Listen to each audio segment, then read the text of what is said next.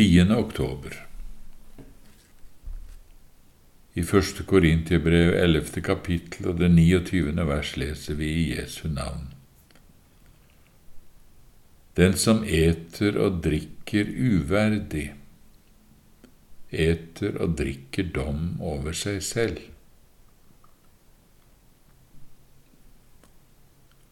Rosenius skriver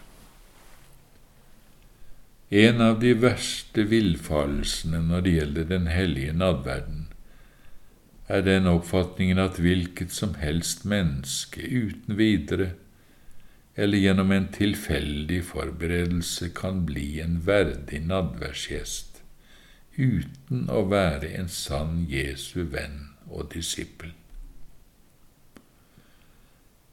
Det er mange som både før og etter de har deltatt i nadverden, gjennom hele sitt liv har hørt og har tilhørt den store flokken av uomvendte verdens mennesker.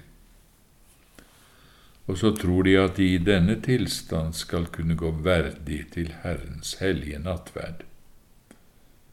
Og for en forferdelig villfarelse. Det er så hårene kunne reise seg på hver en gjenfødt kristen. Hvor finnes det ett eneste ord i Skriften med antydning om at også slike som disse bare kan komme til Herrens nattverd, eller etter en tilfeldig forberedelse, uten at de er blitt omvendt til Herren, er blitt Jesu venner og disipler, og hver eneste dag gjennom hele livet lever av Kristus og med Kristus. Og måtte nå alle som har øre, også høre, og alle som har stemme, nå rope ut at dette er en forferdelig villfarelse. Eller tror du kanskje Kristus lar seg bedra med en tilfeldig forberedelse, med en kristelighet som passer for situasjonen, så han på det grunnlaget godtar deg som sin venn? Tror du Den hellige lar seg bedra av en påtatt og selvgjort kristelighet, anger, sinnsbekjennelse og bønn, og godtar at du så straks går tilbake til det samme selvopptatte livet som tidligere, når du bare har gjort unna ditt årlige besøk ved nadværbordet. Og forbarm deg over oss, Gud og vekk oss opp fra søvnen, alle forkynnere som ikke ærlig forkynner menneskene sannheten.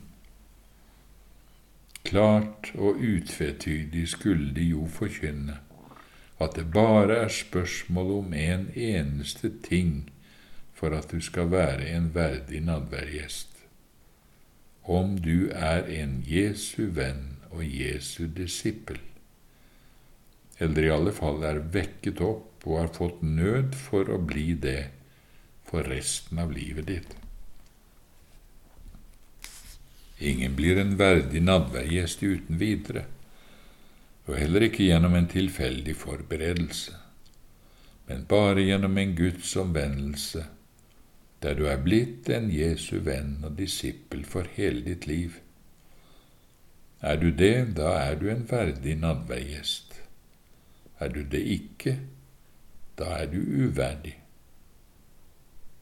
Det nytter ikke å anstrenge seg med noen tilfeldig forberedelse. Du må være klar over at du da bare eter og drikker dom over deg selv. Selv om du ikke bare holder på et døgn, men kanskje både en uke og gjerne en måned kjemper med tårer, i bønn på dine knær, i nidkjær forberedelse før nadverden. Du er fremdeles en uverdig nadverdsgjest, som eter og drikker dom over deg selv, så lenge du bare er opptatt med å bli en verdig nadverdsgjest og ikke for hele ditt liv trenger å bli Guds barn, og bli og leve under ham i hans rike. Det er det som er saken. Kristus innstiftet dette dyrebare måltidet for sine venner. I nadverden skjer det en inderlig forening mellom Kristus og de troende. Det er dette han samme kvelden som han innstiftet nadverden, talte om i sin bønn. Jeg i dem og du i meg, for at de kan bli gjort fullkommen til ett, slik som du, Far, i meg og jeg i deg. Om denne bønnen sier han, Jeg ber for dem. Jeg ber ikke for verden, men for dem som du har gitt meg. Og det var jo umulig at han kunne be denne bønnen for verden. Det var ikke mulig at han kunne be verden være med og færre minne om hans død, død, be dem som foraktet ham, om å ete hans kjød og drikke hans blod. Det er også forskrekkelig å tenke på hva det vil si at mennesker som hver eneste dag lever uten Gud i verden, og klarer seg svært så godt uten ham, en gang om året skal stå fram for Guds ansikt, skal delta i dette hans venners hellige kjærlighetsmåltid, og der liksom gå inn i det inderligste vennskap med ham, for så like etterpå å gå tilbake til det samme selvopptatte og ugudelige liv som tidligere.